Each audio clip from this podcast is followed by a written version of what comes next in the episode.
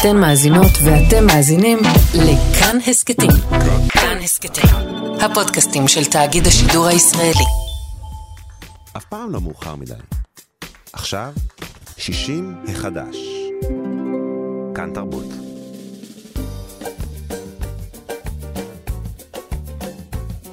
שישים החדש, עם איציק יושע. לחיות בגיל השלישי.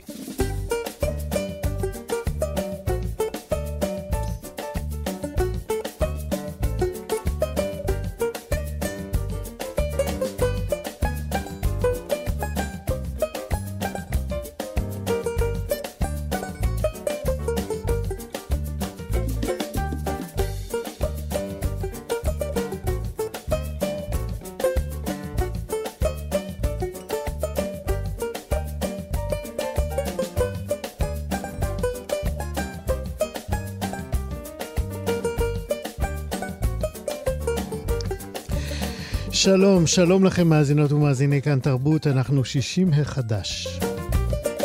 בשעתיים הקרובות אנחנו נדבר על uh, שלל נושאים שונים ומגוונים, נדבר על uh, השפעת uh, עליית המחירים, מחירי הדיור, על הקשישים ועל הצורך בהתאמת דיור מוגן לכל. נדבר גם עם הצלם עודד ידעיה על ספרו החדש, ברגד. נדבר גם על היחסים המורכבים בין קשישים למשפחותיהם. אה, לא, בין הקשישים והמשפחות שלהם לבין המטפלים הצמודים שלהם בבתי הקשישים. נדבר גם על אה, שיפור הזיכרון בגיל השלישי וגם ננפץ חלק מהאגדה על הפגיעה בזיכרון כאשר אנחנו מזדקנים. נדבר גם על מה קורה לנו אחרי לכתנו במסגרת אירוע אפוקליפטי, גם הוא קורה בספר חדש. נדבר גם על uh, סליחה בין הורים מבוגרים uh, לילדים, הילדים שלהם, בשלב uh, שהוא, uh, נמ, הרבה מאיתנו נקלעים אליו כאשר צריך להעביר את ההורים למוסד שמחוץ לבית הרגיל.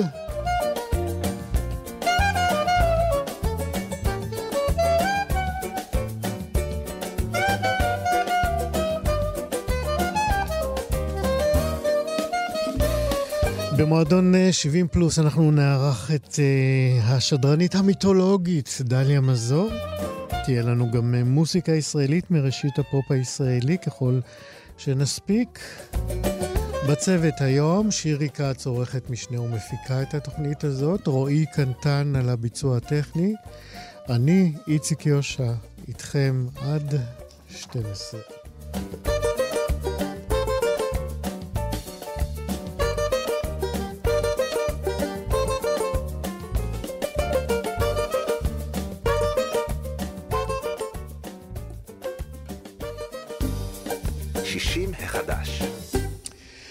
עם האורחת הראשונה שלנו אנחנו נדבר גם על אה, מחירי דירות וגם על טיולים, אה, מיד תבינו את הקשר. אה, רבות מדובר ועוד ידובר כנראה בעליות הגדולות במחירי הדיור. רק בשנה האחרונה מחירי הדירות זינקו, כך אנחנו למדים, בעשרה אחוזים לפחות. לזינוק הזה, כך אומרת לאה שץ, תהיה השפעה מאוד מדאיגה על אה, אוכלוסיית הקשישים. על פי הלשכה המרכזית לסטטיסטיקה, עד שנת 2040 אה, אוכלוסיית האזרחים הוותיקים בישראל תגיע לכדי, שימו לב למספר הזה, כמעט שני מיליון זקנות וזקנים מתוך כעשרה מיליון שיהיו פה, אולי אפילו יותר. אמ, לאה שץ היא יושבת ראש עמותת דיירי הדיור המוגן, והיא גם מדריכת תיירים פעילה, כשהיא כבר אה, בת אה, כמעט 84. שלום לאה שץ. שלום וברכה, למה מוסיפים לי שנתיים? אני רק 82. לאה, מה זה חשוב? הרי את תישארי איתנו גם אחרי 120 עם המרץ שלך. אני מקווה. תלוי באלוהים ובגנטיקה, אתה יודע. כן. טוב, בואי נתחיל עם התחזית הזאת שלפיה בעוד uh, כמה שנים, כמו שאמרתי הרגע, מאות אלפי קשישים בעצם uh, יגלו שהם uh, לא מסוגלים לגור במרכז, במרכזי הערים, איפה שהם היו רגילים, חלקם לגור, uh, ואז מה יקרה להם? זה, איך אומרים, הנסיבות של הקורונה, אה, איך אומרים, הם עושים לנו מהפך. מדברים על זה שבמהלך המאה ה-20 היו שני, שני אירועים קרדינליים ששינו את העולם, ואני חושבת שגם הקורונה עושה לנו, גם כן תעשה לנו מין שינוי גדול כזה בכל מיני תפיסות והרגלים. והנושא הזה של האדם שנורא אוהב להזדקן בבית שלו, שקשה לו להיפרד מהקירות שהוא כל כך רגיל אליהם, מהגינה אולי שהוא טיפח, ואפילו מהרהיטים שלו, אה, אנשים, אני חושבת, אה, יצטרכו לעשות איזשהו מהפך מחשבתי, שגם בגיל מבוגר שווה לחשוב על שינוי מקום. הצעירים היום בקלות עוברים, עושים relocation, נכון? אפילו בין מדינות, לא כן, לא לדבר כן, בין מקובל, יישובים. כן. ואני שומעת כל הזמן, הזקנים רוצים להזדקן בבית שלהם. אז אני לא יודעת, מצד אחד אומרים לנו, הזקנים, טוב לעשות שינויים. שינויים מחזקים את המוח, מחזיקים את המוח אה, גמיש, mm-hmm. אוקיי? אז אולי דווקא טוב לעשות שינוי, וגם בגיל מבוגר להחליף את מקום המגורים. ואז תמיד נשאלת השאלה, אז לאן אני עובר? אוקיי? זה תלוי עכשיו כל אחד ברצונות שלו וביכולות שלו. אה, אם אנחנו מדברים על הדיור המוגן, לא כולם רוצים לחיות בדיור מוגן, כי זה חיים באיזושהי קהילה מסוג מסוים. אני יכולה להבין את זה כמו שלא כולם רצו בשעתו ללכת לקיבוץ. כן. עדיין הקורונה לימדה אותנו שאם אנחנו רוצים להילחם בנושא הבדידות... רק נאמר שאת כן גרה בדיור מוגן. אני כן גרה בדיור מוגן כבר 15 שנים.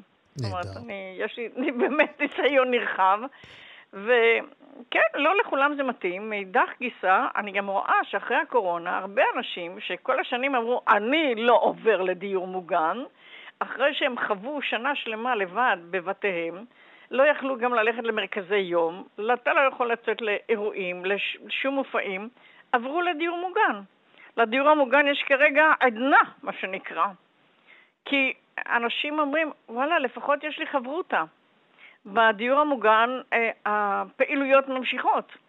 המכון כושר, חדר כושר, הבריכה בדיור המוגן לא נסגרו. עוד מעט אנחנו? אוקיי? נדבר על, על אה, נפלאות ויתרונות הדיור לא, המוגן. לא, לא, אבל אני אומרת, כן. יש פה עניין של אה, שינוי מחשבתי אצל האנשים. אני קראתי רק הבוקר אה, אה מישהו שהיא מנהלת אה, מרכז יום לקשיש, שהיא אומרת, הידלדלו לי אנשים, בקושי אנשים מגיעים. כי הם מפחדים לצאת מהבית, אז הם כבר נשארים בבית, אני מדבר, מדברת על אנשים מבוגרים. אנחנו גם מדברים על זה שלא כל אדם מבוגר גר בקרבת מקום למרכז פעילות כזה שיכול לספק את uh, צרכיו, ובגיל מסוים בן אדם גם מפסיק לנהוג. אז את כל הנתונים האלה כדאי לקחת בחשבון כשאנחנו מדברים על הנושא הזה של מעבר. אני אתן עוד דוגמה, בן אדם או זוג מבוגרים שגרים בבית גדול. Mm-hmm. אומרים, אוקיי, יאללה, נמכור. מה נעשה עכשיו? נקנה דירה יותר קטנה או נעבור לגור בשכירות באיזשהו מקום בדירה יותר קטנה? אז אנחנו כולנו יודעים שגם היום לגור בשכירות, וכל שנתיים אולי יגידו לך, תעזוב ותצא, זה כבר קצת יותר מדי בגיל המבוגר. אתה גם רוצה איזשהו מקום יציב. Mm-hmm. אז יש לנו פה מכלול שלם של אה, שאלות שבהן בעצם צריך לעסוק מבחינת האם לשנות את מקום המגורים ולאן כשאנחנו אה, מזדקנים, כשהבית נעשה גדול עלינו, ההוצאות של הבית הן גם כן גדולות, אוקיי? כשאתה צריך לתחזק בית גדול, גם הארנונה או המים של הגינה, זה הכל גם אה, הוצאות שגם כן תלויות במצב שלך. אז זה לא דבר כזה פשוט להגיד, כן דיור מוגן, לא דיור מוגן. זה בעיה מאוד מורכבת, ואני חושבת שגם בתכנון ערים היום צריך לתת את הדעת על זה ולהקצות מקום למגורים של אנשים מבוגרים בקרבת שירותים, אם לא רוצים דיור מוגן שעולה הרבה כסף, אוקיי?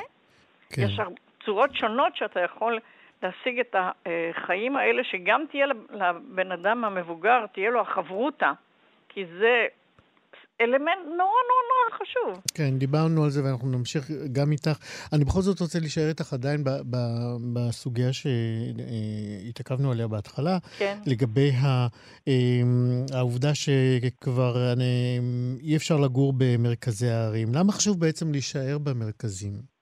כי זה קרוב פיזית למרכזי פעילות. אם זה אולם קונצרטים, אם זה תיאטרון, אם זה אה, מועדונים למיניהם, אני לא מדברת על מועדוני לילה, יש גם כאלה שאוהבים ללכת למועדון לילה, גם בגיל מבוגר כמובן. למה לא? אני אומרת, אבל אני מדברת על אה, מועדון יום, שבו יש פעילות של, שבמשך היום אתה יכול גם להיות פעיל, גם להתכנס, גם לשמוע הרצאה, איך אומרים? כפי שאמרנו, הפעילות בגיל שלנו היא חשובה לשמר את המוח. אני תמיד אומרת שמה שטוב לנכדים שלנו ולנינים שלנו, אתה יודע שאומרים בגן חשוב שיעשו ריתמיקה ושיקראו ויספרו להם סיפורים וכל הדברים. לנו זה חשוב כדי שהם יתפתחו, לנו mm-hmm. זה חשוב כדי לשמר את עצמנו. Mm-hmm. כל הפעילויות הזקנות סורגות, מצוין, זה שומר על מוטוריקה עדינה של הידיים. מכירה נשים אה, בגילי וגם גברים, דרך אגב, שעושים תכשיטים, נהדר. אתה יודע איך זה משמר, ראייה, קשר עין, יד. כן.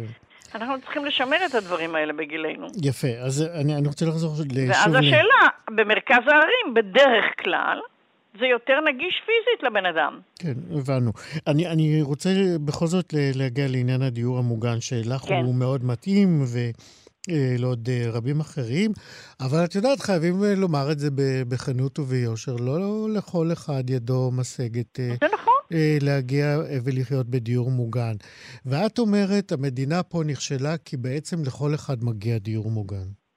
אני, אני לא יודעת, אני לא אמרתי את זה. אני לא יודעת איפה זה הגיע. אני מנחש. אה, אתה מנחש, אה, כן. אוקיי. נא לא לייחס לי דברים שלא אמרתי. כן. אה, כי להפך, אמרתי לך, לא לכל אחד מתאים לחיות בדיור מוגן. לא, אבל למי שרוצה ולא יכול. שזה יהיה בהישג ידו. נו, אז תרגמתי אותך נכון. אוקיי, אני אשמח מאוד אם זה יהיה בהישג ידו, כי יש המון בנפיץ, אמ, המון דברים טובים. שתומכים בנו אה, בגיל הזה בדיור המוגן. אני אתן לך אפילו דוגמה אחת. נגיד בן אדם שיש לו מטפל אישי. כל אחד אומר, אה, אני לא צריך דיור מוגן, אני אהיה לי בדירה ואני אזכור, אה, אומרים, הפיליפיני, כמו שאומרים, אני אזכור לי את הפיליפינית שלי. מה הם עושים עם, מה עושה המטפל או המטפלת עם המבוגר בו הוא מטפל, בדרך כלל? אז יוצאים קצת לטייל בפארק, סליחה שאני אתבטא אולי בצורה לא נחמדה, ראיתי את המראות האלה. קבוצה אחת של אנשים מבוגרים שיושבים להם בצד אחד, והמטפלים יושבים בצד שני, מקשקשים ביניהם. כן. וחוץ מזה, מה הם עושים כל היום? אז אם אתה בדיור מוגן, ומותר לך גם כן, מותר לך בדיור מוגן לשכור שירותיו של מטפל אישי, mm-hmm. עדיין, אם המטפל האישי, מוצעות לך פעילויות במסגרת מועדון יום בתוך הדיור המוגן. אתה אפילו לא צריך לצאת החוצה לחפש אותם בחוץ. זאת כן. אומרת, הנושא הזה של הפעלה ולהיות בין אה, אנשים, זה מה שהדיור מוגן נותן. עכשיו, אני מודעת לעלויות, בוודאי. כיום הדיור המוגן, הייתי אומר את זה לאנשים בדירוג בינוני פלוס. Uh-huh. upper middle class, מה שנקרא. כן. ואפשר להוריד את זה לפחות שהמידל קלאס יכול אה, לבוא. ו... באיזה אופן? בלי, בלי לפגוע, איך אומרים, אני, הם בטח יכעסו עליי מאוד בעלי הבתים על מה שאני אומר עכשיו. שיכעסו. אבל בזמן האחרון מפרסמים כמה הם מרוויחים נפלא. Mm-hmm. אז בבקשה, אה, תורידו קצת ברווחים ותאפשרו לעוד אנשים להגיע. אני גם לא מדברת על המע"מ הנוראי שאנחנו משלמים בדיור מוגן, שמשיתים את כולו על הדיירים. בעלי הבתים לא הספיגו, לא הספיגו אותו. יש לנו דבר שקוראים לזה שחיקה של הפיקדון, שבעצם מאחוריו מסתתר הנושא של שכירות. אבל לא קוראים לזה שכירות, אז משלמים על זה מע"מ. ויש לנו דבר שנקרא מע"מ ריבית רעיונית. זה כאילו נתתי הלוואה לבעל הבית, מה שאנחנו קוראים בשפת העם פיקדון, mm-hmm. בחוזה שלי כתוב שנתתי לו הלוואה, mm-hmm. והמדינה אומרת, מי שנותן הלוואה מרוויח ריבית, נכון? Mm-hmm. הריבית חייבת במע"מ. אז כבוד הדיירת תשלם את הריבית, את המע"מ על הריבית שהיא כביכול מרוויחה. אה, סליחה, למה אני צריכה לשלם את זה? אני חושבת שבעלי הבתים, שהמדינה או שתשית מע"מ בשיעור אפס, mm-hmm. כי בעלי הבתים יילחמו בזה שיגידו להם, אתם תשלמו את זה, והם יחפשו את כל הדרכים כדי להשית את זה בחזרה על הדייר. ככה זה עובד. כן. הם אנשי עסקים, הם רוצים להרוויח. אני בעד להרוויח, בית צריך להיות יציב, אנחנו לא רוצים שהבתים יקרסו. השאלה כמה להרוויח, והשאלה באיזה צורה להרוויח. חושבת שכדאי, אחרי כל הפרסומים האחרונים שאני רואה, יוצאים לבורסה, אנחנו מרוויחים, כן. אנחנו נהדרים. בסדר, כיף כן. לכם, אני שמחה מאוד שאתם יציבים. אבל תחשבו גם על, אה, גם להקל על מי שכבר גר בדיור המוגן, וגם לאפשר לעוד אנשים להגיע. לאנשים אחרים ש, כן, שלא יכלו כן. עד עכשיו יוכלו להגיע אליה. כן. אנחנו לקראת סיום. כן. אה, הבטחתי גם אה, טיול, את הרי מדריכת אה, תיירים. אה, כן. תני לנו מסלול אה, שאפשר לצאת אליו עכשיו, אה, גם ב, בימי הקורונה, קרוב למקום שאנחנו נמצאים בו, כל אני, אחד. זה תלוי איפה אתה נמצא. נגיד, אה, אני נמצא בכרמיאל. אתה נמצא בכרמיאל. נו, הצפון uh, מתחיל לפרוח עכשיו uh, בצורה uh, יוצאת מן הכלל. גם בגולן אני קוראת כבר על דיווחי פריחה. Mm-hmm. סביב הכנרת, חסר לך אתרים סביב הכנרת? מקסים. אני לא יודע, את המדריכה, תני לי מסלול. אז אני אומרת, את, איך אומרים, תיקח את האוטו ומכרמיאל, מצומת עמיעד, תרד לכיוון הכנרת וסובב אותה, יש הרבה מאוד אתרים אה, ארכיאולוגיים, היסטוריים, שקשורים גם ביהדות, גם בנצרות. אה, בדרום הכנרת אה, חידשו עכשיו את תחנת הרכבת של צמח, מאוד מאוד יפה. תעלה לגולן, יש שם מספר אתרים בשמורת נוב, אני קוראת שיש פריחה מאוד מאוד יפה. אום אל-קנתיר, רק הירידה למטה מהגולן לכיוון הכנרת אתה רואה נופים אה, מאוד מאוד יפים. לאה שץ, תענוג לדבר איתך תמיד, אה, יושבת אוקיי. ראש עמותת תיירי הדיור המוגן וגם אה, מדריכת תיירים מאוד פעילה כמו ששמעתם, ומלאת חיוניות. אנחנו מודים לך, אנחנו נשוב ונשחח, אני בטוח, והנה עכשיו אני אקח אותנו לטיול לילי עם אוקיי. הדודאים. תודה לאה להתראות. בבקשה, יום טוב לכולם. 60 החדש. רבות אה, דובר על אה, טראומת הלוחמים אה, במלחמות, על כך שחלקם מדחיקים גם את עוצמת הפגיעה עד שהיא לפעמים מתפרצת אחרי הרבה מאוד שנים וצפה. לפעמים כאשר הם כבר הופכים לסבים וסבתות אה, לנכדים אה, ולנינים, ועבור אה, חלק מהם זו יכולה להיות לפעמים קריסה נפשית ואפילו גופנית. עבור אחרים שחווים את זה באופן יותר מבוקר, אם אפשר לומר את זה, זאת הזדמנות ככה לגלגל את סרט חייהם ממרום גילם. אה, לחשוף את הפצעים, אבל אה, עם יכולת אה, לעשות איזשהו חשבון נפש בעצמם, ואולי גם חשבונות עם סביבתם. חשבון שבסופו אולי, ככה הם מקווים, מי שזה קורה להם, להביא איזשהו מרגוע לנפש שממשיכה לסעור אולי. ברגד הוא גיבור ספרו החדש של אה, הצלם המאוד מוערך עודד ידעיה, ואני אקרא לכם מהתקציר לספר. ברגד, הקיבוצניק הקרבי, חדור מוטיבציית ההשתלבות, הוא עכשיו צלם, אה, מבוגר מרוב המפגינים, שבוחן כל הזמן את מעמדו כצופה מן הצד. השבר, שמתחיל באופן לא מודע, כבר במהלך השירות הצבאי בלבנון ואחר כך בעזה, הופך להיות עמדה ממשית של אה, ספק ושל צורך לבוא חשבון עם חוויית הבגידה, הפגיעה והרצון לקחת חלק ולהתקדם. אלא שהמעבר אל הצד השני והרצון לכפר על העבר, אה, לשכוח ולהשתייך לקבוצה חדשה, פוגשים חשדנות וכתף קרה שבבסיסן הבדלי גיל והיסטוריה. עד כאן מהתקציר על הספר הזה, ברגת, ואני אומר עכשיו, שלום לעודד ידעיה. שלום שלומך? כאמור, אתה צלם מוערך מאוד, וגם צריך לומר, מייסד ומנהל את מכללת מנשר לאומנות בתל אביב. אז קודם כל ברכות על הספר, וזה ספר ביקורים בגיל 73. אה, כן, פעם ראשונה שזה יוצא כפרוזה בלבד, כן. אבל לכתוב, אה, אני כותב אה, כבר נכון. 30-40 שנה, נכון. ואז חלק מהטקסטים, אפילו מי שקרא אותם בזמנו, ימצא חלק פסקאות מפה, משם, שכבר מאז. יפה. אבל אז... זו התרגשות גדולה ושמחה להחזיק גם ספר פרוזה ביד. כן, אז אנחנו מברכים כמובן. דיברתי על ברגד, הגיבור של, של הספר שלך, שזה גם שמו, אה, ועל הרצון החזק שלו אה, להשתייך. אה, ברגד הוא צלם, גם אתה צלם. תמיד דובר על ה...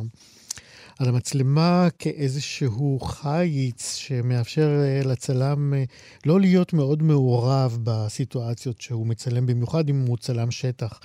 אה, בטח, אתה יודע, סיטואציות שמטלטלות והנפש של הצלם צריכה איזושהי הגנה. אה, אני רוצה לשאול, האם אה, ברגד מגיע לגיל שבו בעצם הוא רוצה להסיר את המצלמה הזאת שמונחת אה, כמו חיץ בינו לבין העבר שלו, כדי לאפשר לו את אותו חשבון נפש? אתה שאלת על ברגד. ואתה תענה לי על עודד. אתה יודע, גם אתה שואל בעצם, ו- ו- וגם זה עולה כל הזמן, אה, גם במקום אחר שאלו אותי, אה, אה, הבלבול קיים. קודם כל זה בסדר גמור, אתה יודע, הרי כל ספר הוא שליש מומצא, שליש של דברים שקרו לאחרים בכלל, ושליש הוא באמת אוטוביוגרפי. אבל אני אז, מסכים לחלוקה אבל הזאת. אבל בתהליך הכתיבה, בטח שאני מזדהה מאוד עם ברגד, למרות שאני חושב שאני יותר חכם ממנו. אבל, אה, אה, אבל זה לא בטוח, כן, שום דבר. לא, זה. תראה, אני חייב באמת, אה, תכף אני אחזור לעניין הסרת המצלמה, וגם מתקן ששוב פעם, גם ברגד, לדעתי, וגם אני, זה לא, הטראומה הזה, אני, אני לפחות רוצה להאמין שזה לא היה טראומה, לא, כמו באמת, אני יודע, יש אנשים כמו יורם קופרמיץ, או יש חבר צייר. אה, אה, אה, כי באמת המקרה הזה שם של הפציעה המאוד קשה והזנחה, זה, זה לא קרה לי, אתה יודע, אבל זה צירוף של... כן. דיברתי על זה ככה בפתיח שלי, שמדובר כן. באיזשהו ספקטרום באמת, אצל כל כן, אחד זה, זה מגיע בעצימות אחרת. שבכלל, כאילו כל ההתנהלות בהגעה מגיל בחשבון נפש, זה, זה רק תגובה חכמה על, על התגלגלות פוליטית של המדינה. אבל זה הרבה יותר מכך, ובטח שזה כך בספר, זה גם דן במהלך אה, פנימי ונפשי ולא מודע, אה, ואני רוצה גם להישאר בעמדה שאני אה, עד הסוף, גם כסופר, אני לא מודע למה שקורה לברגד בעצם, ולהשאיר המון קצוות פתוחים, ואני שמח שכל... תמיד יכול להיות שאתה צודק יותר ממני, כן? עכשיו לעניין המצלמה, כן, בוודאי, בגד, אה, בגד היה רוצה להיות, אה, אה, לזרוק את המצלמה ולהיות ראש ממשלה ש, שפותר ביום אחד את עניין הכיבוש ו, ו, ו, ו, ו, ולעשות באמת את המהלך ולהביא צדק לעולם.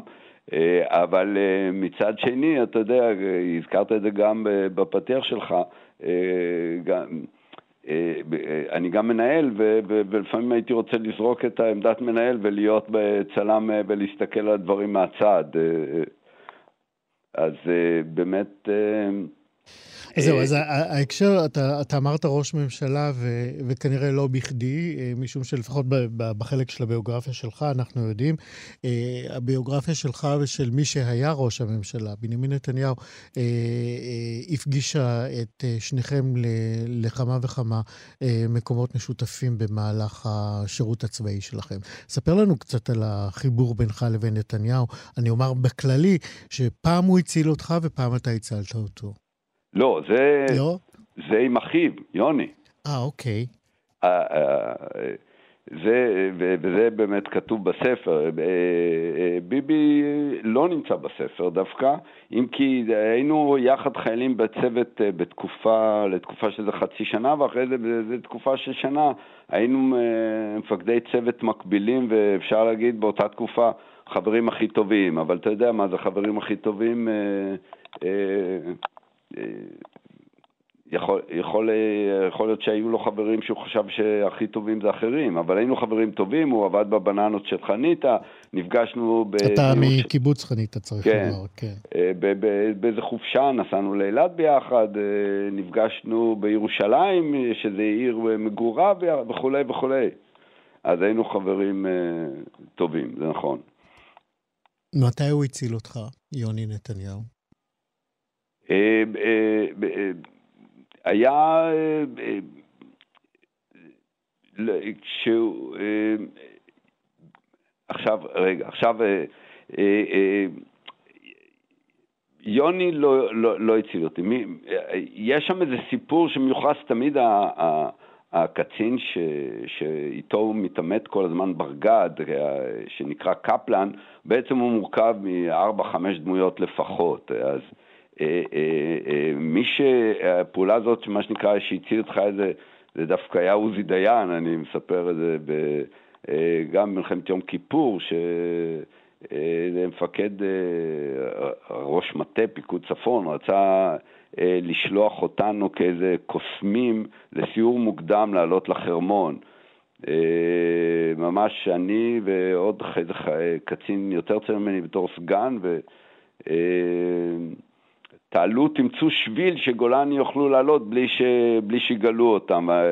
ועוזי אמר לו, תראה, לא עשית תצפית ולא עשית תצלום אוויר, ואני מניח ש... אה, הסורים פרוסים לאורך מורדות החרמון, ו... והם יקצרו את העשרה חיילים האלה, 11 עם, ה... עם המפקד. אה, אנחנו לא, לא, אנחנו לא קוסמים. אבל אז הוא אמר, אם אתה רוצה, אנחנו יכולים למצוא לך דרך פעולה, לבוא מאחורה, דרך הרמה הסורית שכבר, כאילו, כי צה"ל כבר היו יותר בעומק סורי, לבוא לחרמון מאחורה, ונמצא שביל, אה, כמו שעושים. ואז באמת אה, אה, אה, היה ויכוח רציני והרמ"ט אמר זאת פקודה, אנחנו חייבים, זה, זה, ועוזי אמר לא בא בחשבון, אני שומר על החיילים שלי. חזרנו, אבל מה שכן, אה, הציעו, במפקדת היחידה, הציעו לפיקוד צפון. אה, להגיע, אה, כמו שאני אומר, מאחורה, הרכיבו כוח יותר גדול, כבר לקחו קצין יותר בכיר ממני, שזה היה יוני, אני הייתי רק הסגן שלו, יותר מאוחר, לילה אחרי זה עוד הצטרף עוזי דיין עם עוד כוח, ועלינו בשקט מאחורה כמו שצריך, לא פגשנו אף סורי והתיישבנו שם על איזו גבעה משולשת, שעליה עבר הגבול, אז לא היה לה שום מוצב, גם לא היה שום קרב, ואמרנו לגולני, תבואו מה, מהצד שלנו, אה, מאחורה, אנחנו נהיה מורה דרך שלכם, נעזור לכם, אבל אה, הם פחדו להתברבר בניווט ושזו עלייה קשה. והתוצאות של הקרב האחרון על החרמון כולם יודעים, 56 אה, הרוגים, למעלה מ-100 פצועים, כואב הלב. אני ויוני ישבנו שם בלילה והשקפנו ואמרנו ככה וככה וצעקנו, הכל ישנו בספר, מי שרוצה, זה דווקא תיאור אמיתי. אז uh, אנחנו מזמינים באמת את הקוראים שלנו. לסיום, עודד ידעיה, uh, אני רוצה לשאול אותך, מהו בעצם חשבון הנפש, אם יש נקודה אחת בחשבון הזה שברגד עושה? בגד, הוא, הוא, הוא עושה חשבון נפש עם, אה, עם, עם התמימות שלו אולי, או עם ההזדהות שלו, אה, אה, שהוא אומר, עשרות שנים חשבתי ש, שכן מדינת ישראל הולכת לקראת הסדר, ו... ואולי הייתי תמים, ואולי החברים שלי בשמאל הקיצוני היו יותר חכמים ממני, שאמרו ממש למחרת 67' אה, שצריך לפנות.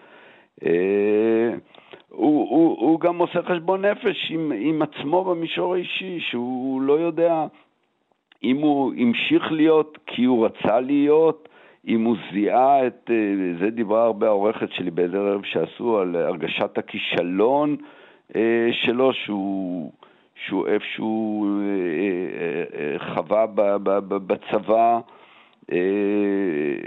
גם במישור האישי, בהתנגחויות הבלתי פוסקות שלו עם, עם הפיקוד, ו, ו, ש, שבסוף הוא, הוא, הוא לא יודע אם הוא צדק או לא, התוצאות לא היו לו טובות, אתה יודע. והוא לא יודע באמת, בגלל זה גם מאיפה האמונה אז ומאיפה האמונה היום נובעת. וזה כן. חשבון נפש אה, לא פשוט. וכל שאר החשבון והאירועים המרתקים אה, בספר ברגד שיצא בהוצאת אה, אפיק שלך, עודד ידעיה, תודה רבה שדיברת איתנו. תודה לך. להתראות. להתראות. 60 החדש. אתמול אה, הובא למנוחות אה, אחד מאחרוני הילדים שניצלו ב, בגטו טרזנשטט אה, בצ'כיה, אה, לו אלי בכנר, הוא היה בן 90 במותו. אה, אלי היה אחד הילדים שכתבו שירים בגטו. כשהוא היה בן 13 הוא כתב אה, ביחד עם שני ילדים נוספים אה, שיר שתיאר את מה שהם ראו אה, בגטו. ומחשש שהם ייתפסו וייענשו על זה שהם כתבו שירים, אלי לא חתם בשמו. ותחב את הפתק, את השיר בחריצים של הקיר, בתקווה שיום אחד אה, זה יימצא. לימים באמת השירים האלה שכתבו הילדים, אה, אלי וחבריו, התגלגלו לארץ, והמשוררת אה, לאה גולדברג תרגמה אותם, והם יצאו בסוף בספר שנקרא אין פרפרים כאן. לפני שנים אחדות המוסיקאי אפי שושני הלחין את השיר של אלי, וביום השואה בשנה שעברה אה, לקראת יום השואה, השחקן אקי אבני הקליט אה, וגם צילם אה, קליפ לשיר הזה.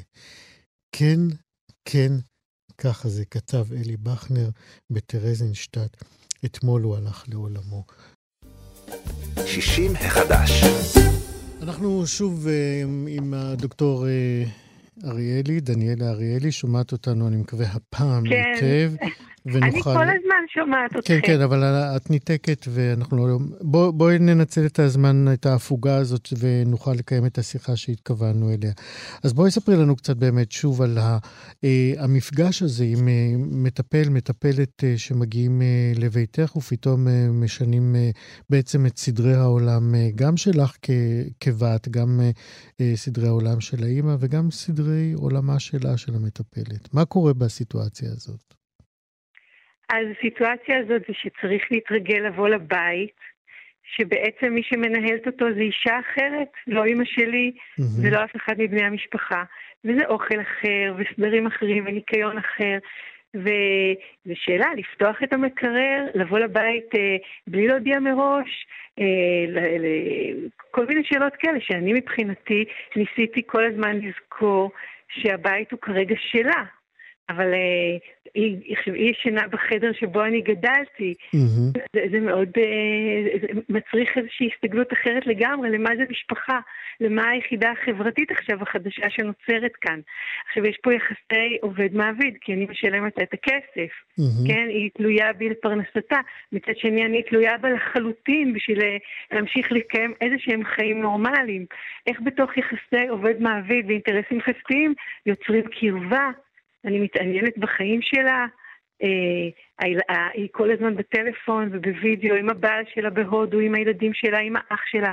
סיפרתי קודם שהיא מצאה לאח שלה שידוך, כלה. כשהיא פה בישראל, דרך מודעות שידוכים שמפרסמים בקרלה.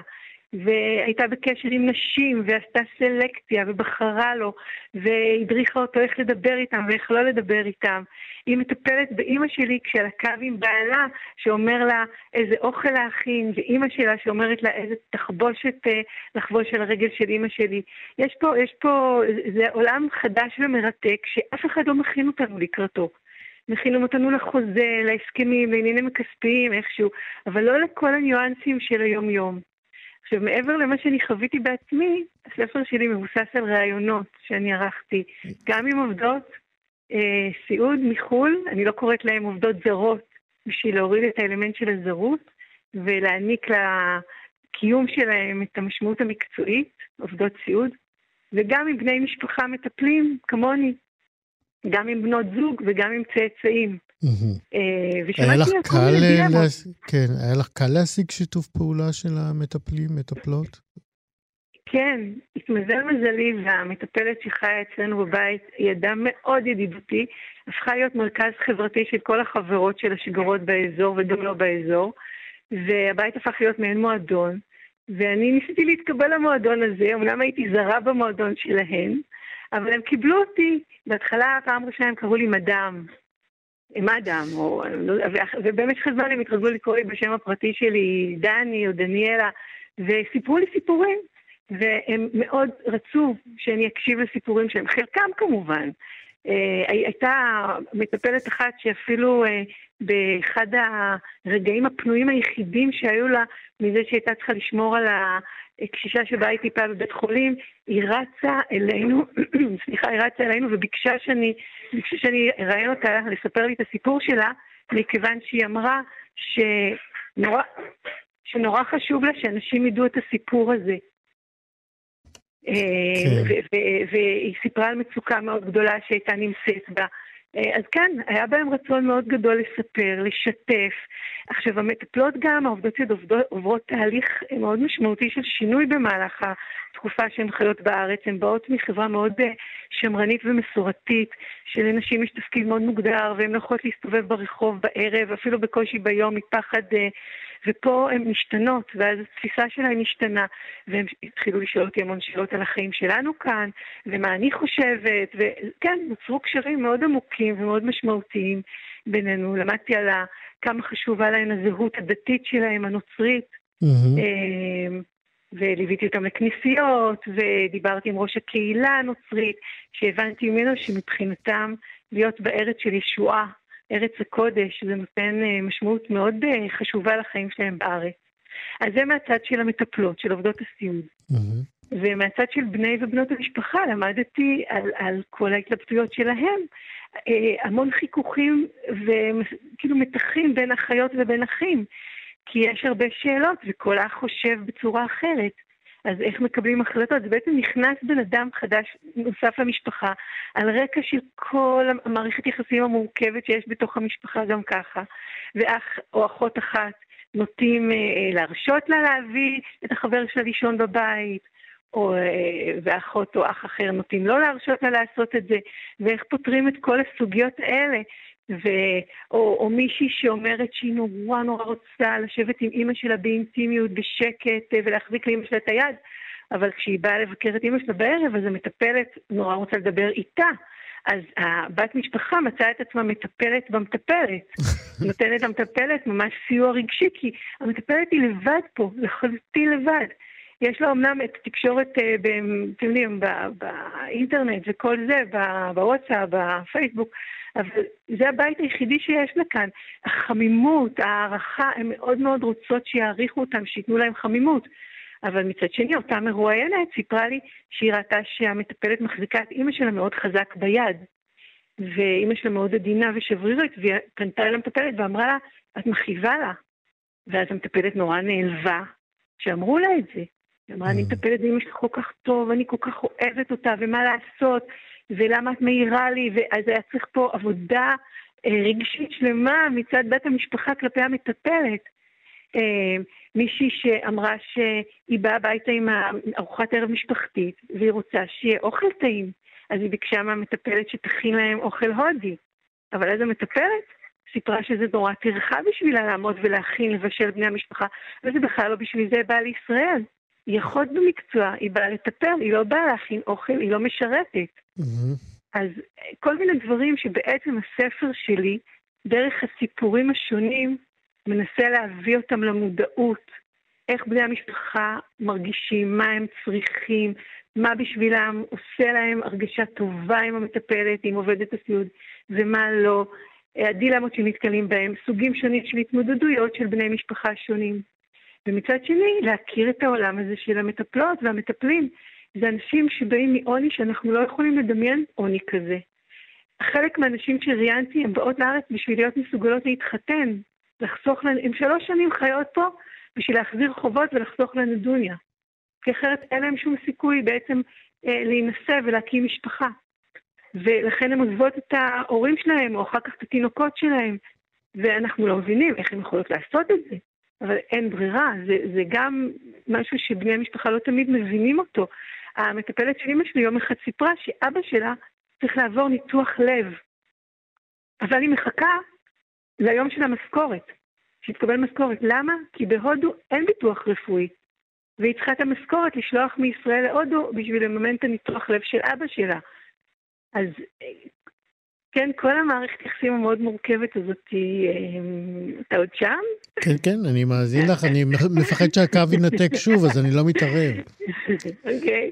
כן. בקיצור, היא הייתה, היא מאוד מרתקת, והמחקר שלי הוא מה שנקרא מחקר אוטו-אתנוגרפי. אוטו, כי זה מתחיל מהניסיון האישי של החוקרת.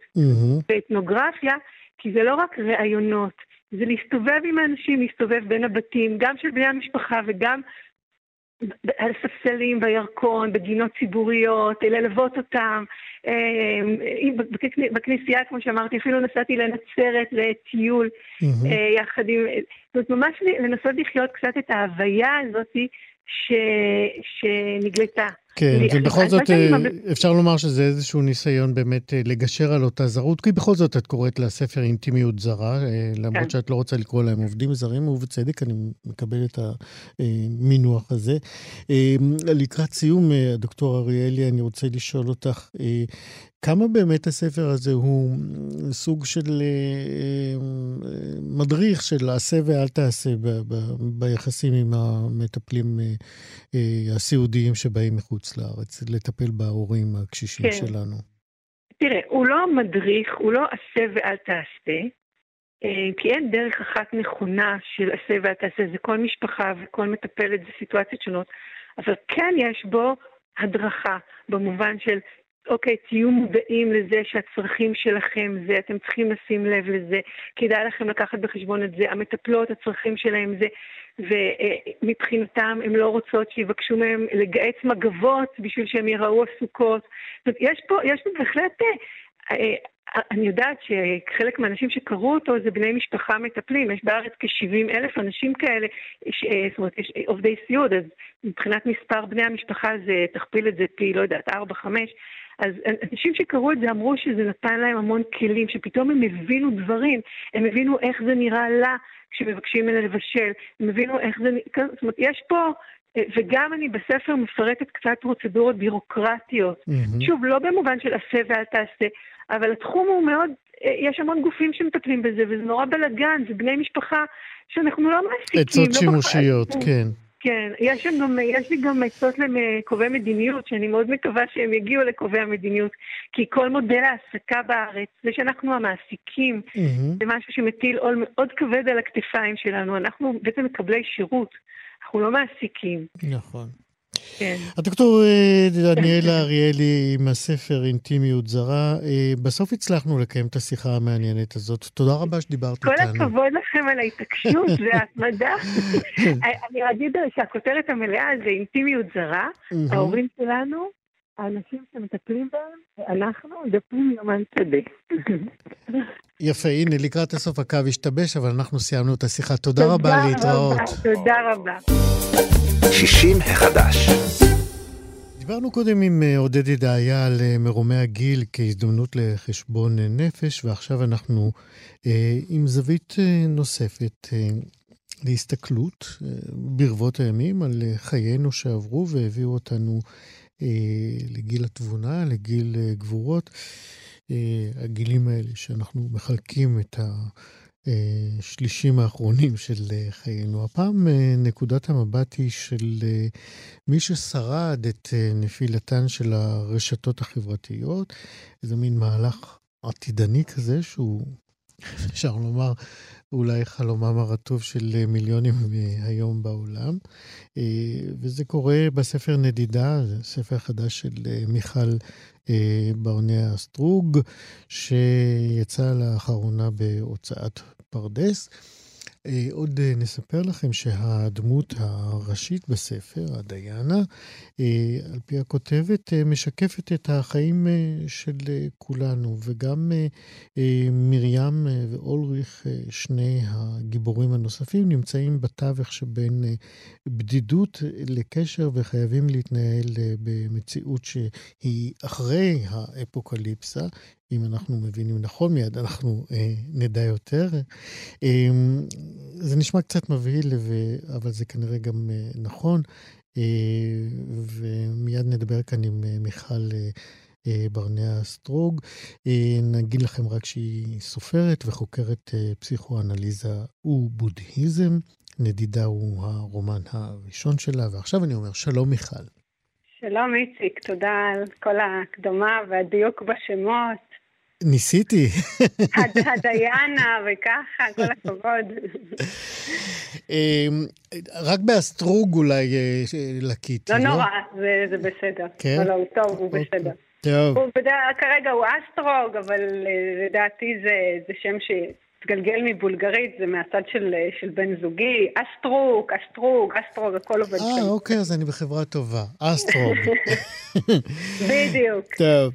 אה, ניסית בעצם אה, לדבר, אה, ככל שאני יכול להבין, בכתיבה, בכתובים, אולי באמת איזשהו רצון של מיליונים בעולם, שהמציאות הזאת של רשתות חברתיות היא לצנינים בעיניהם. הייתי אומר אולי שזאת מין פנטזיה של מי שמסרבים, או אולי לא ערוכים לשינויים שהעולם כל הזמן עובר? תראה, אני בספר הזה, והמקום וה, שבו מגיע כל העניין הזה של הקטסטרופה הזאת, שבעצם הספר מתרחש בערך 70 שנה אחריה, ועד לשלב מסוים אפילו לא יודעים בדיוק מה היא הייתה.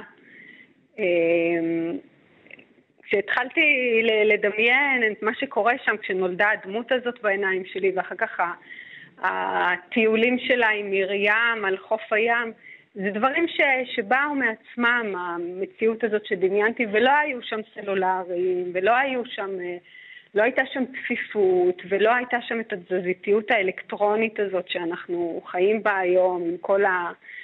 אתה יודע, הפייק ניוז וכל הבלגנים האלו.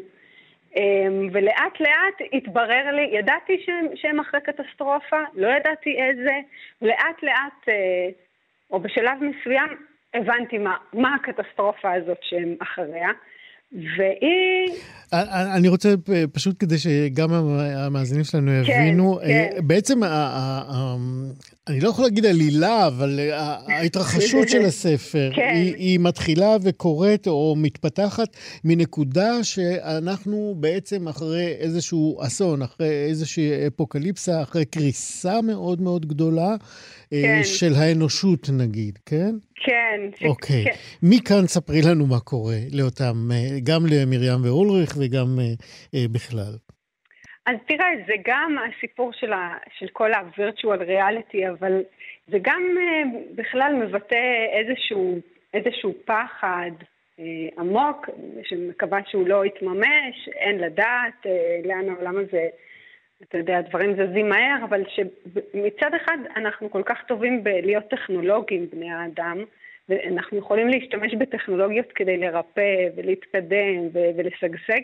ומצד שני, החיפוש הזה שלנו אחרי אה, פתרונות קסם שבאים מן החוץ, אה, תיקונים אה, מתחת מכסה המנוע, וזה אני גם בתור אשת אה, טיפול ומודדת ויפאסנה וכל זה אני יודעת, אתה יודע, כל כך רוצים את כל הפתרונות המהירים האלה שבאים מבחוץ, ובמקום זה, אה, או בגלל זה, אנחנו משתמשים בטכנולוגיות בצורה שלפעמים עוזרת לנו מאוד ולפעמים פשוט מחבלת לנו בגרעין האנושי ובקשר אחד עם השני, עם עצמנו, עם העולם. וש, ושם, וזה, וזה הפחד, זה ה, בעצם הקטסטרופה הזאת ששם.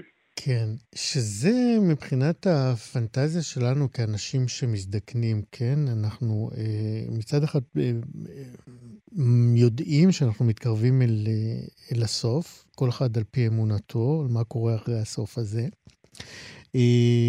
מצד שני, אנחנו, יש פחד מאוד גדול, גם, גם במה שאת מתארת.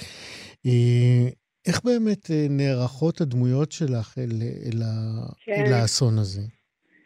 אז תראה, גם יש פה, יש פה בעצם כמה פרספקטיבות. הדיינה הזאת, הדמות הבעצם לא אנושית, אבל שבמהלך הספר הולכת ונהיית יותר ויותר אנושית והולכת ונהיית יותר ויותר מוצקה, היא בהתחלה בכלל איזה משהו ארטילאי בלתי נראה, קצת סוריאליסטי.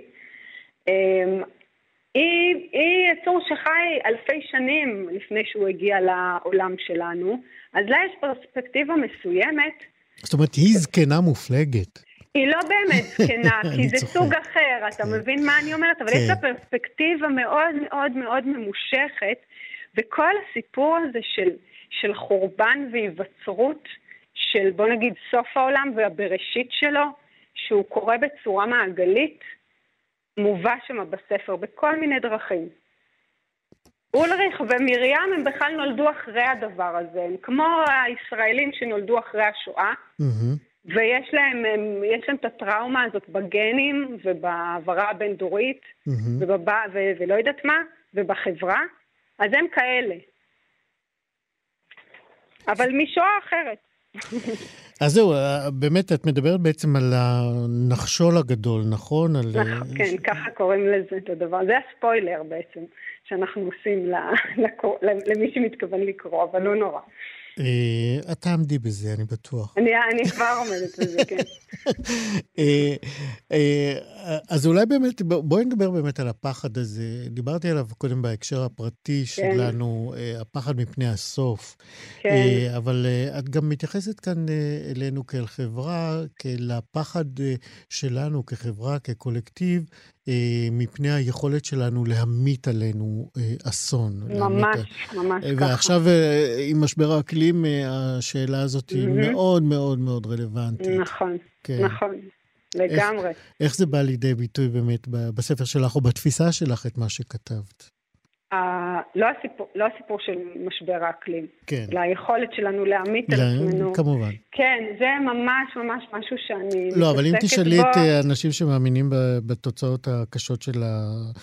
של משבר האקלים, אז זה להעמיד עלינו אסון. נכון, כן. נכון, נכון. אני ממש משתמשת ב...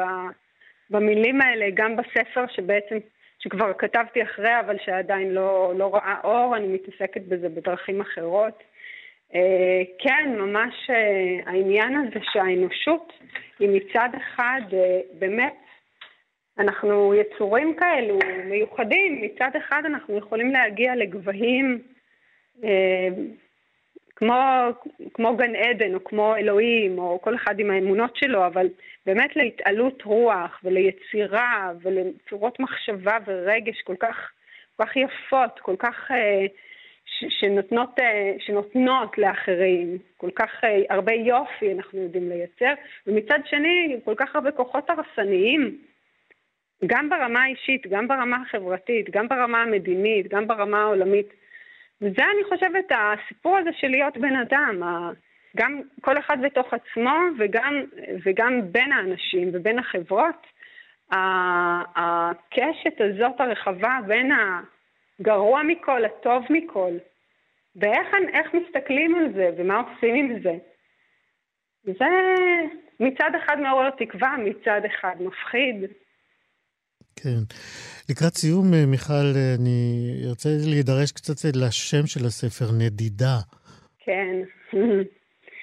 אמ, בעצם, אמ, מבחינתי נדידה זה, אני לא יודעת אם אתה מכיר את המונח הבודהיסטי הזה, סמסרה.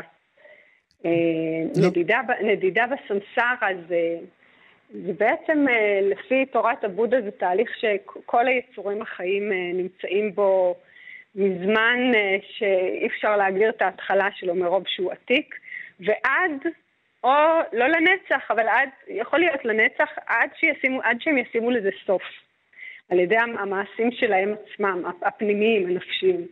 וזאת נדידה, זה החיים שלנו.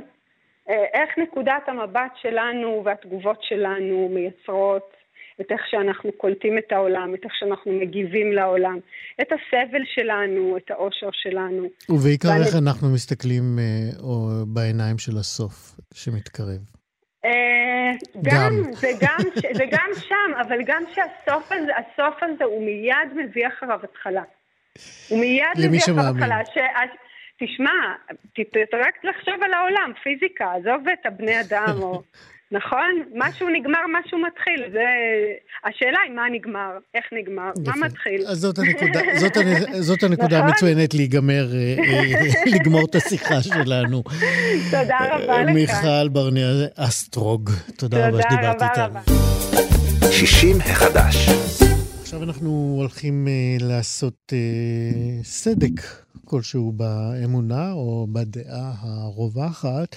אה, שלפיהן אה, הזיכרון שלנו הולך ומידרדר עם השנים. מתברר עכשיו שיש אה, מחקרים שמראים שלקויות זיכרון בגיל השלישי הן קטנות יחסית, ושלרוב החשש מאובדן הזיכרון לצד חוסר מודעות ליכולת לשפר אותו, הם, הם הבעיה, ולא הנסיגה.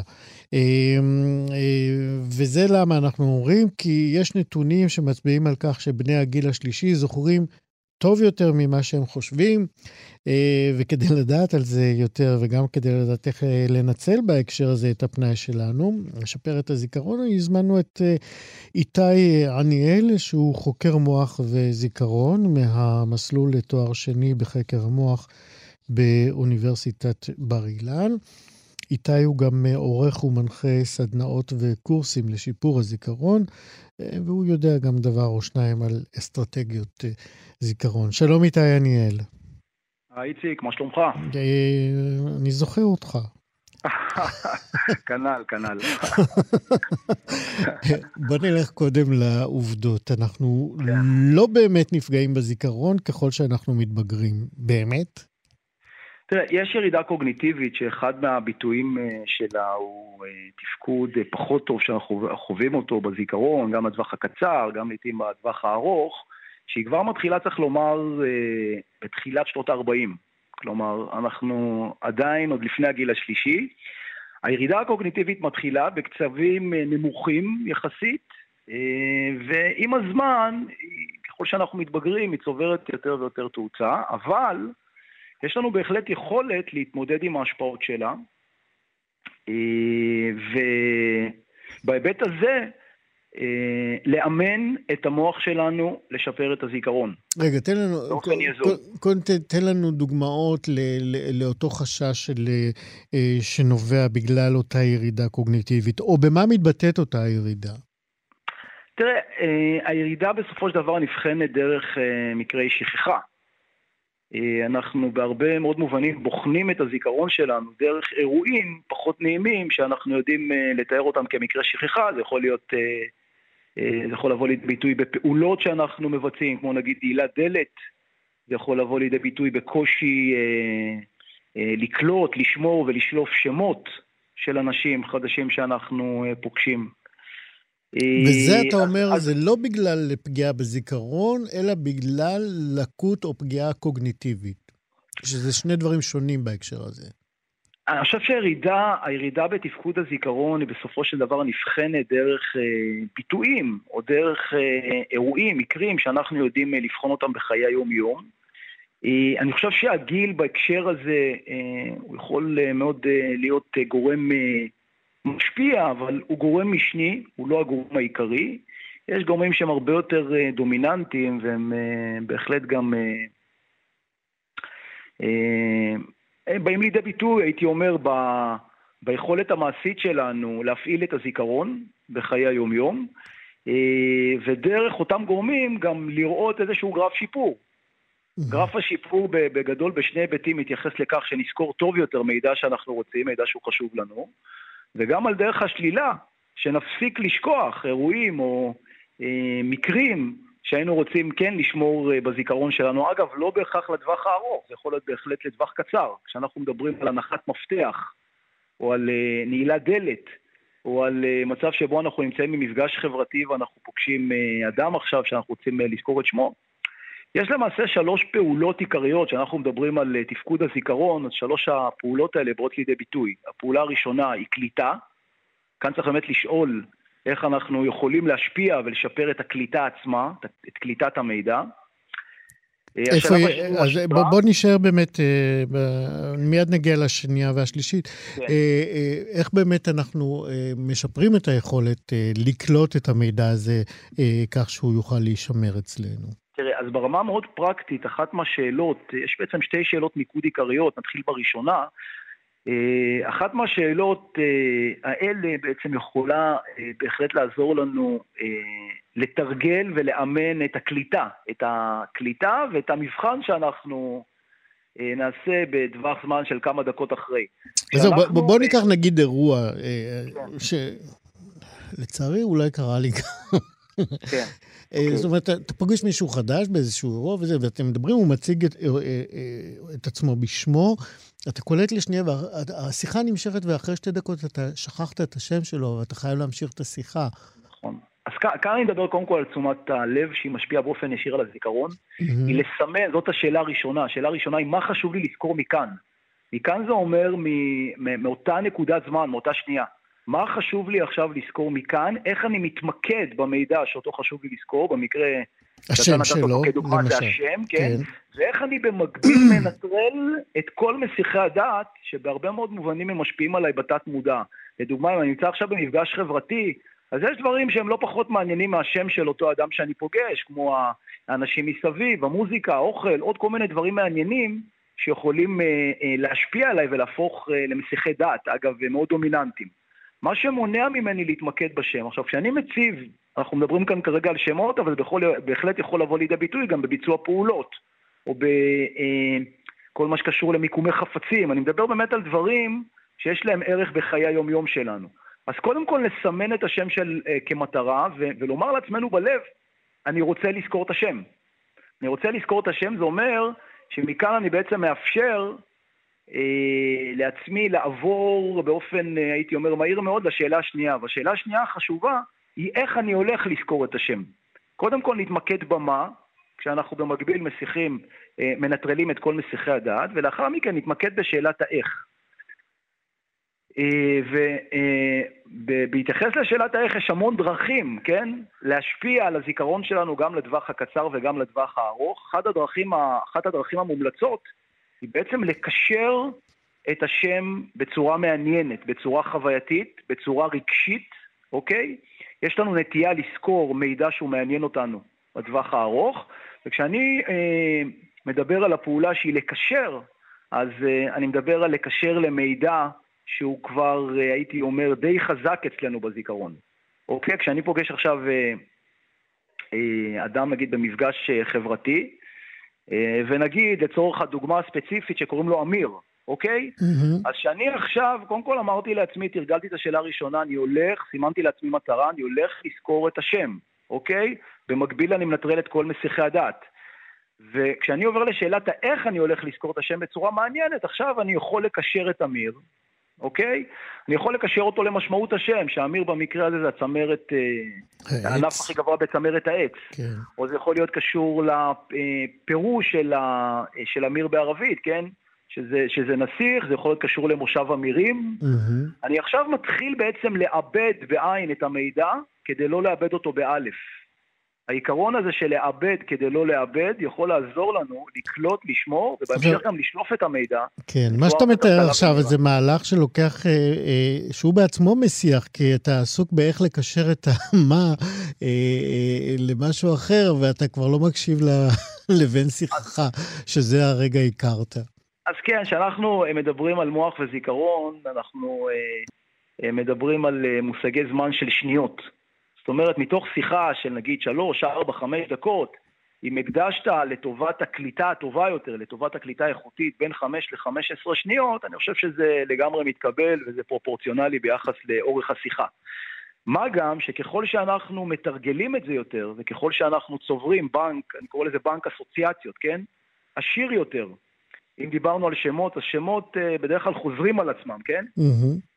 אה, אז אנחנו מוצאים את עצמנו מתורגלים יותר, ובזמן אמת, המימוש של אותה טכניקה שכל אחד יכול ללמוד ולתרגל, הוא בטווח זמן כאמור של שניות, וככל שאנחנו מתרגלים יותר, אז... אז זה פחות שניות. אנחנו צריכים okay. אוקיי? לסיים עוד מעט, אז בואו נעבור בקצרה ככה. אז קודם כל, מה אנחנו רוצים לזכור? אחרי זה, איך אנחנו רוצים? עושים איזשהו נכון. חיבור, uh, קישור רגשי או, או אחר כזה של משהו שמקובע היטב בזיכרון שלנו? מה הפרק נכון. הבא?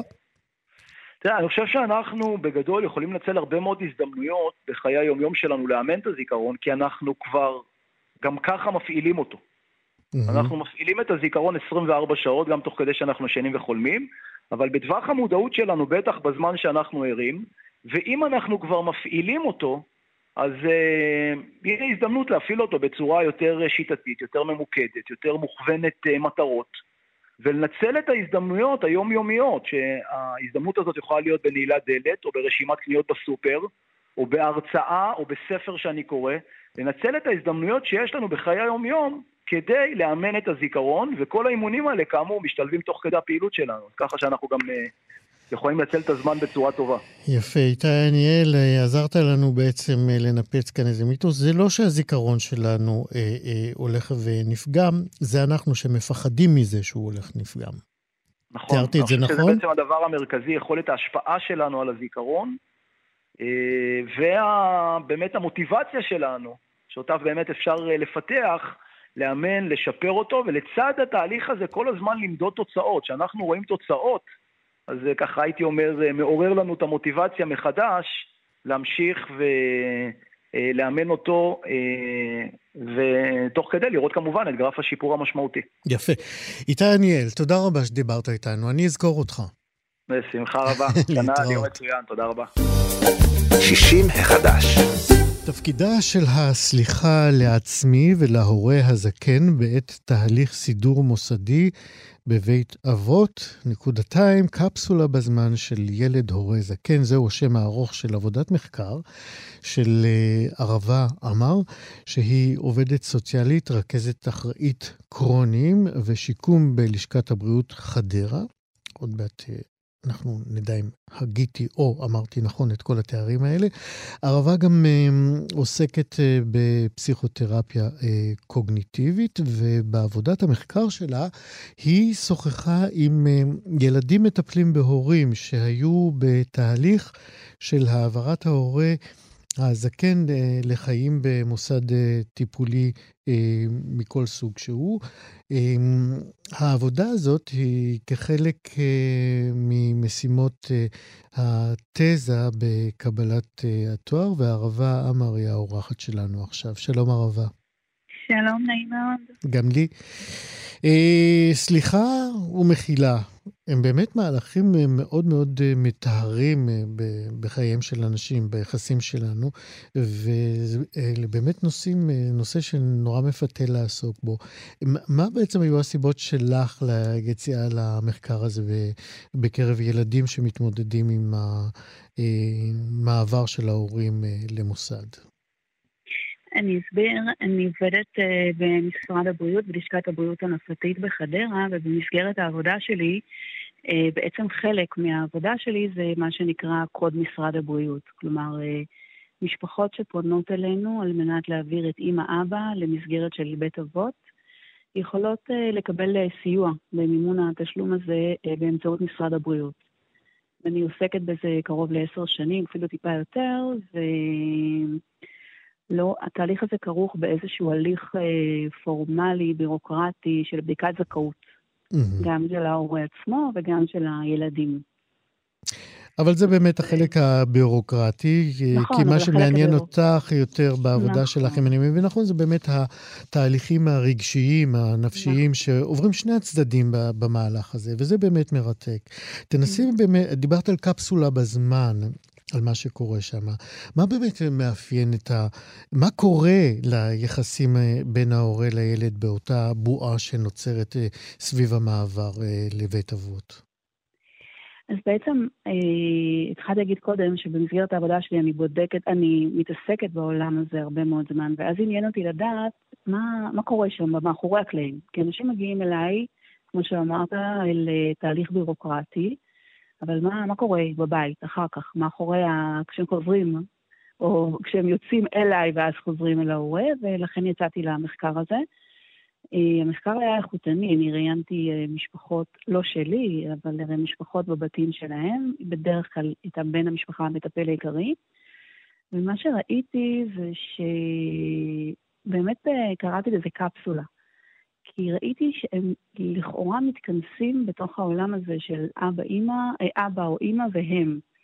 מתחילים ככה לבדוק, זה יש איזשהו מאמץ נורא נורא גדול בקשר, בתוך המערכת יחסים. מה קורה לי? מי אני כרגע מול האבא הזה או האימא הזאת? האם אני המטפל? האם אני הבן? האם אני הבן שכועס?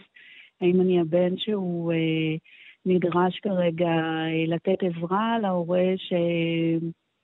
אה, לא יודע, לא יודע כמה אני אה, עוד, אה, עוד רואה אותו, עד כמה הוא עדיין האבא שלי, כמו האבא שהוא היה. ו... שם בעצם, אה, שם בעצם התמקדתי. כן, זאת אומרת, מה אה, שאת, אה, אם אני מבין נכון, מה שאת גילית, בעצם במסע הזה מתחילים המושגים להתערער או להשתנות. נכון. התפקידים, האופן שבו נכון. כל אחד תופס את התפקיד שלו, האבא או האימא את תפקידם ההורי, והילד את תפקיד שלו כילד, נכון. ולהפך, יש היפוכי תפקידים. נכון. נכון. ספרי לנו על הבלבול הזה באמת, שנוצר באותה קפסולה בזמן שאת מתארת. יש אה, היפוכי תפקידים, אה, בעצם מכל מיני סוגים אפילו, הייתי אומרת. כי אתה היום כבן צריך להיות זה שאומר לאבא מתי לאכול, מה לאכול, כמה, איפה, עם מי לצאת, איזה מטפל להכניס הביתה, איזה מטפל לא להכניס הביתה, אתה בעצם אמון על דברים שלכאורה קודם לכן היו של ההורה. הם לא היו של הילד. Mm-hmm. אבל עדיין, בצד אחר של הראש שלך, אתה מחזיק את התפקיד של ההורה. כי מי הוא היה עבורך? זאת אומרת, עדיין יש איזושהי סמכות של ההורה, גם כשאנחנו, גם כשההורה בן 90 ואתה בן 70, ואפשר היה לראות את זה מאוד מאוד חזק, עדיין יש את הסמכות של ההורה, mm-hmm. שלאורך השנים נבנתה.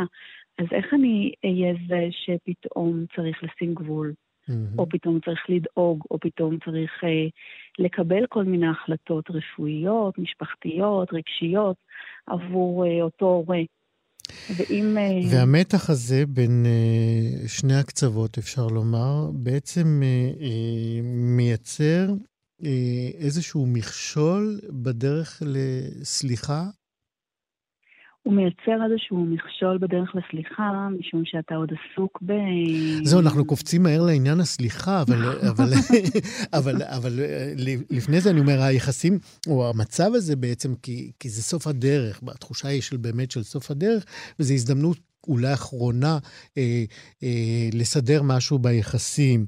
אה, וסליחה, זה חלק מניסיון אה, לסדר את היחסים האלה. ופה את אומרת, בגלל הבלבול, או בתוקף הבלבול הזה של התפקידים, נוצר איזשהו מחסום בפני שני הצדדים לבקש או לקבל או לתת נכון. סליחה. ספרי לי על נכון. זה. אני, גם, אני חושבת גם שזה יותר מזה, כי אמרת קודם שזה סוף הדרך. אני חושבת שאחד הדברים שאפשר לראות, גם במחקר שעשיתי יכולתי לראות את זה, אבל גם בעבודה שלי ביום-יום, אני יכולה לראות את זה, זה שאנשים שמטפלים בהורים שלהם, שהופכים להיות סיעודיים, או תשושי נפש, או בתהליך בעצם של ירידה כזו או אחרת בתפקודים שלהם, הרבה מאוד פעמים נשאבים ליום-יום. עוד אין הבנה שזה סוף הדרך כן או לא. יש עשייה, כי אתה צריך לטפל בהורה שלך. עכשיו, זה מתחיל עם עשיות מאוד מאוד קטנות, של אה, תיקח אותי, תחזיר אותי, אה, תביא לי את טופס 17, תוציא לי כל מיני אה, אישורים כאלה ואחרים, ולאט לאט לאט הילד נשאב לתוך בעצם עולם של ההורה שלו, עולם של טיפול. ונמצא שם גם איזשהו כעס, איזשהו מרמור, איזשהו חוסר אונים. לצד זה שאני עוזר להורה שלי ואני טוב ואני בסדר ואני ילד נהדר, ואני עושה קצת, אבל גם לצד זה קיים כעס ומרמור וחוסר אונים, ואתה גם לא באמת יודע מתי זה ייגמר, אתה יודע מתי זה מתחיל. ואתה גם לאט לאט שם לב, או אפילו לפעמים הם לא שמים לב, שנשאבת עוד ועוד ועוד לתוך אותה עשייה שהיא די סיזיפית, כי אתה לא יודע מתי, מתי עוד יצטרכו אותך, לעוד כמה יצטרכו אותך, איזה אוקיי, אז זה באמת הריצה ה... של החיים. אין, אה, לא, אני לא בטוחה שיש הבנה ש, שזה סוף החיים. אתה מבין? כן. ואז משם... אז אני, אני אשאל אותך כאן בהקשר הזה, אוקיי, אז יש איזה, את השגרה של העשייה הזאת של אה, לא באמת, אה, אה, אנחנו לא מתפנים לחשוב על, על כך שבאמת מדובר בסוף, נכון. אבל בכל זאת עולה הצורך הזה שאת עסקת בו, נכון. לבקש סליחה או, או לרצות לקבל סליחה. מתי, באיזה הקשר הוא עולה? אני חושבת שהוא עולה יותר כשהם עוצרים, כמו שהם עצרו איתי, ודיברו. אני לא חושבת שזה עולה באופן אוטומטי. אחד הדברים שראיתי מאוד מאוד חזק זה שכשהם אה, ישבו איתי ודיברו, אה, פתאום היה מין תחושה של וואו, זה מה שאנחנו עוברים, זה מה שאנחנו חווים. ואחד הדברים שאני... שמה, שהילדים אמרו, אני, אני, אימא שלי חייבת uh, לבקש ממני סליחה, או אני חייב לבקש סליחה מאבא שלי? אני חושבת שעוד הרבה לפני זה. אני חושבת שעוד הרבה לפני זה. יש איזושהי התחלה של בירור, של מה קורה כאן במערכת יחסים. של רגע ננסה להבין מי אני, מי ההורה שלי, אה, איזה כאב אני גרמתי, איזה כאב הם גרמו, על מה אני כועס עכשיו. זה עוד הרבה לפני לבקש סליחה. לבקש סליחה לדעתי זה סוף הדרך, זה סוף התהליך. זה ממש בקצה של אחרי שאתה מבין מה המקום שלך מול ההורה, וההורה ממקם את עצמו מחדש מולך. אחד הקשיים רגע שאני אשים כוכבית זה שלא תמיד ההורה יכול למקם, כי לפעמים ההורה הוא סיעודי, ולפעמים ההורה הוא ירידה קוגניטיבית, ואז אין את הצד השני תוכל, אתה יודע, לבקש ממנו, תבקש ממני סליחה. Mm-hmm.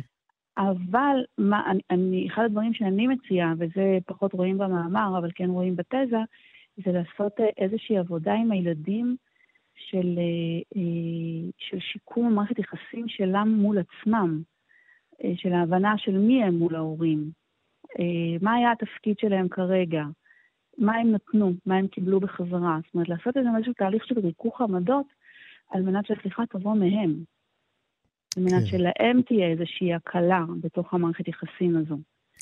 ועוד משהו שכן ראיתי, וזה ב- ב- בכמה מהרעיונות, זה שהורה שכבר נכנס לבית אבות, וראיינתי את הילד שלו סמוך לכניסה לבית אבות, או, או, או חודש, חודשיים אחר כך, שם כן אפשר היה להתחיל לראות התחלה של התבוננות. מהצד על התהליך. אוקיי, okay, אנחנו נצטרך לסיים uh, את השיחה שלנו, אה, okay. ונזמין את, uh, בכל זאת לחפש את המאמר שלך, הוא מרתק. ערבה אמר, איפה אפשר למצוא את המאמר למי שירצה להעמיק בו? המאמר נמצא בירחון גרונטולוגיה. התזה עצמה היא של אוניברסיטת בר אילן, את התזה כתבתי יחד עם פרופסור ליאת איילון. ואותו אפשר למצוא בבר אילן. יפה. ערבה אמר, תודה רבה מאוד על השיחה הזאת. תודה רבה לך. להתראות. 60 החדש. ממש אה, לסיום, אנחנו עם אחת מנשות התקשורת המוערכות יותר, המצוינות והיפות, חייבים uh, לומר. Uh, לפני ימים אחדים, וליתר דיוק ב-28 בדצמבר, היא ציינה את יום הולדתה, ואנחנו כאן כדי לברך בפניה את אושיית הטלוויזיה, דליה מזור. שלום, דליה. היי, איציק, כבר הבכת אותי. על שום מה הבכתי אותך, דליה? כרגע נסחפת, נסחפת. סליחה, אני נסחפתי? את רוצה שאנחנו נעבור על כל... נסחפת בענק, ומזל שזה לא אחת-אחת על כל התחומים? לא מסמיקה. לא, לא, לא, לא, לא, מיותר. לא, את יודעת מה, אבל אני כן רוצה להגיד, הרי את שידרת כמעט בכל תחום. את עשית חדשות, וספורט, וכלכלה, וילדים, וצרכנות, ותרבות, ואופנה ובידור, עשית הכל. כן, אבל הכל היה די בקטנה, בוא נגיד ככה. זאת אומרת, חדשות, לא, חדשות, הייתי אה, הרבה שנים ועמוק בתוך זה. אי אפשר להגיד בקטנה, כן. גם כלכלה, אה, שמונה שנים ככה מאוד אינטנסיביות.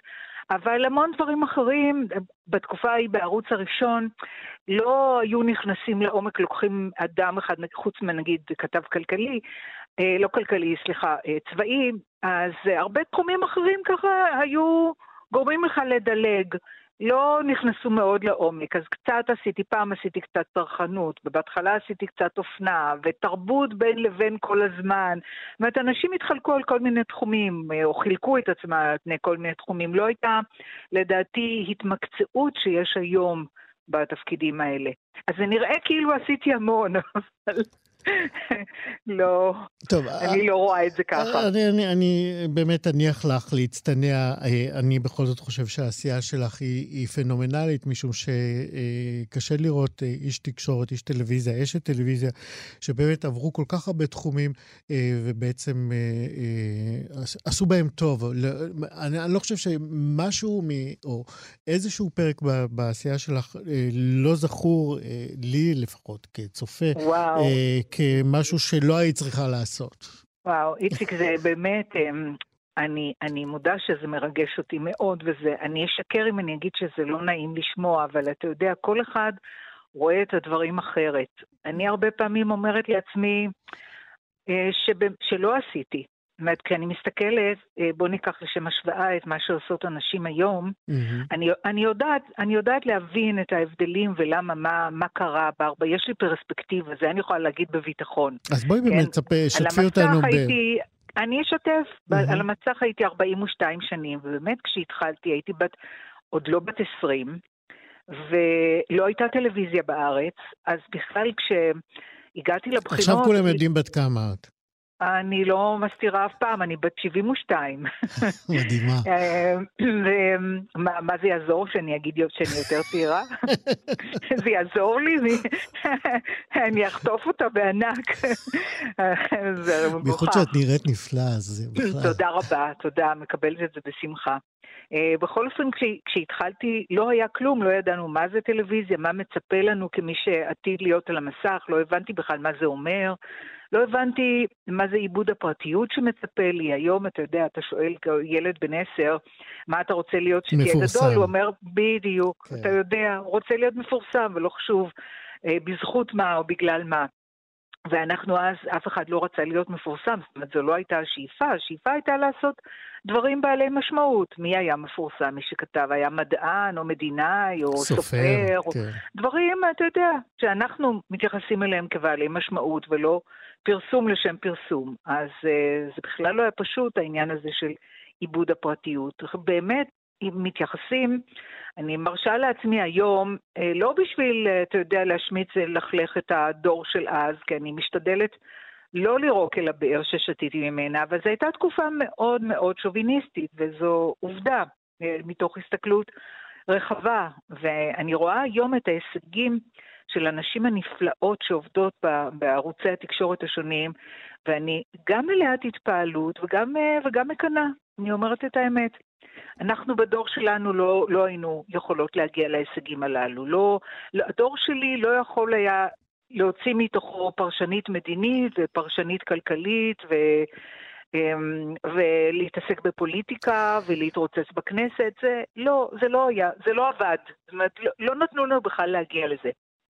זאת אומרת, אז, זאת אומרת, היו אה, תקרות אה, זכוכית עם אה, זכוכית עבה של 30 סנטימטר כן, עובי, כן. כן. אתה יודע, זה מעניין שכשאתה בתוך זה, אתה לא כל הזמן נותן לעצמך דין וחשבון.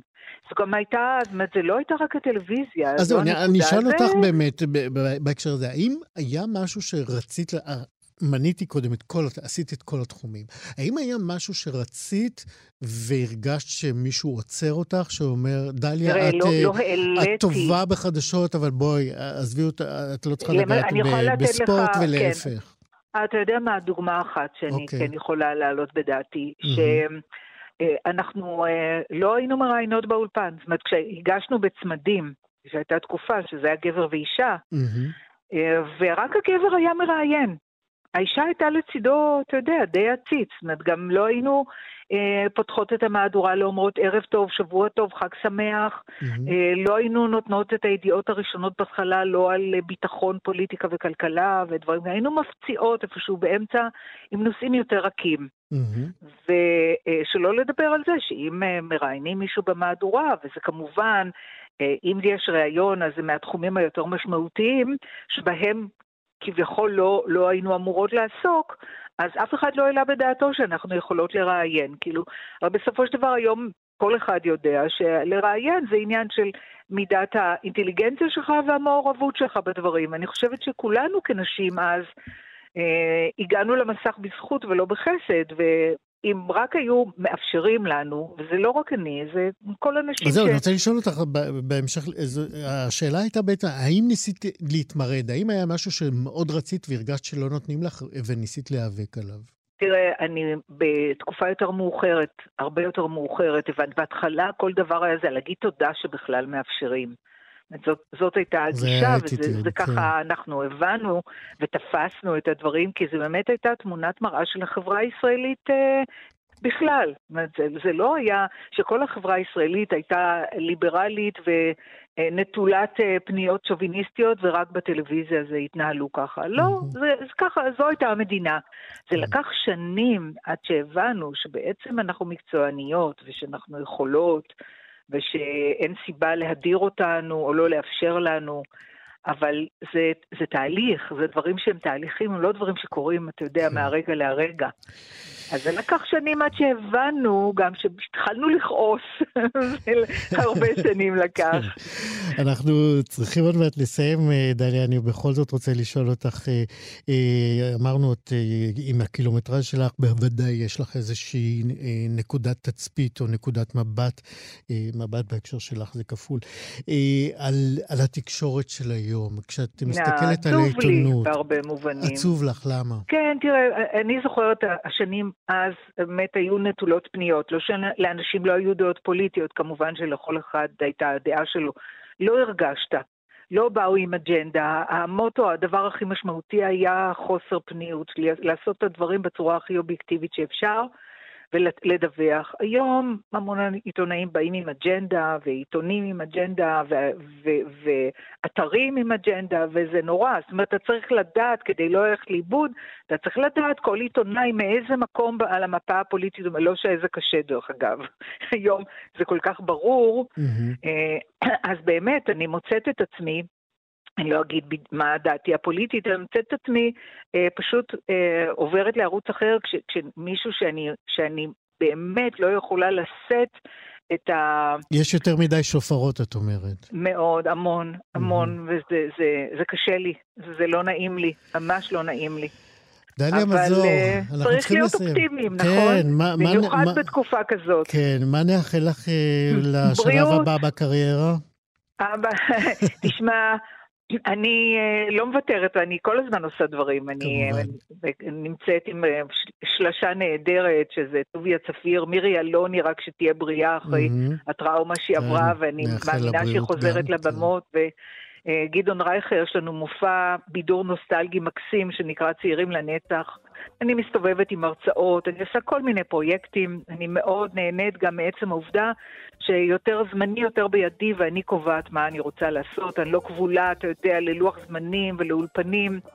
ויש לי נכדים, יש לי נכדה בת שבעה חודשים שאני עפר לרגליה, אז אה, אה, לא חסר לי, אני עסוקה מבוקר עד לילה. דליה מזור, אה, אשת התקשורת האגדית, תודה רבה שדיברת איתנו. תודה, תודה, תודה, תודה על המילים החמות. ביי ביי. ביי ביי.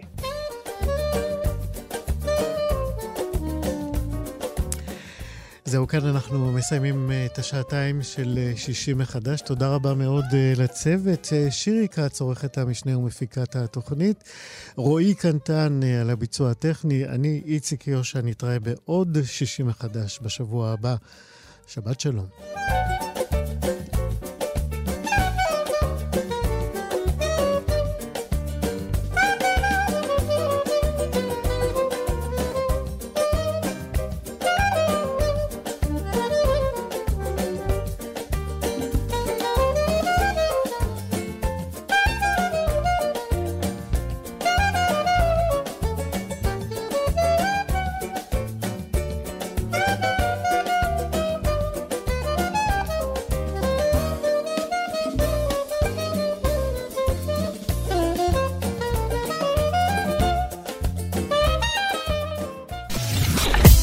אתן מאזינות ואתם מאזינים לכאן הסכתים.